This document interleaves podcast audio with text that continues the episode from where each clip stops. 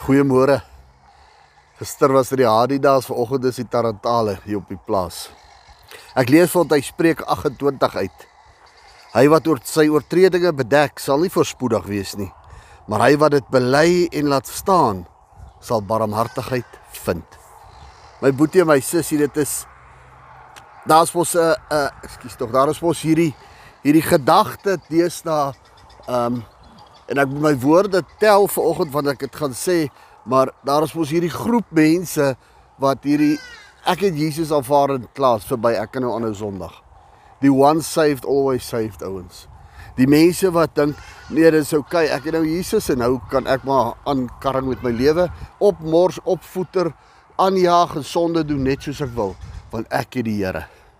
Ongelukkig as jy die Bybel mooi gaan lees, en alles gaan verstaan, dan sê Jesus duidelik vir ons in Matteus 5. Hy sê hy wat nie van die gees gebore is nie. Hy wat hom nie bekeer het en van die gees gebore is, hy wat nie wedergebore is nie, gaan die poorte nie ingaan nie. Jy sien my broers en susters en daarom is dit so belangrik dat ons terugkom na hierdie broek hierdie stukkie van skees van Spreuke toe.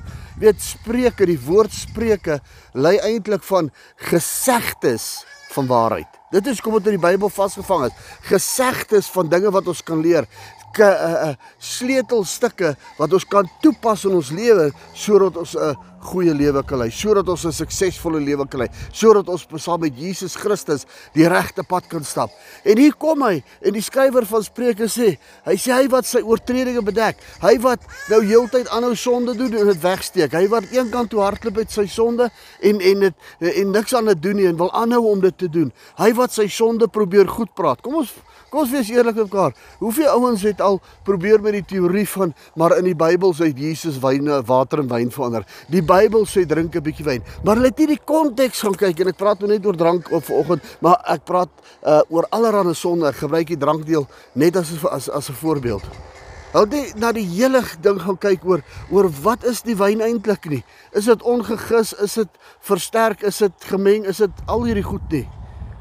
Jy sien maar hulle probeer dit goed praat en ons probeer uh, en op 'n slegte plek vir baie mense weer eens op die drankding is, hulle probeer die Bybel gebruik om dit goed te maak. Maar dit bly sonde. Maar nou kom ons spreek, hy sê, moenie jou sonde probeer bedek nie. Hy sê maar bely dit. Bely dit voor die Here.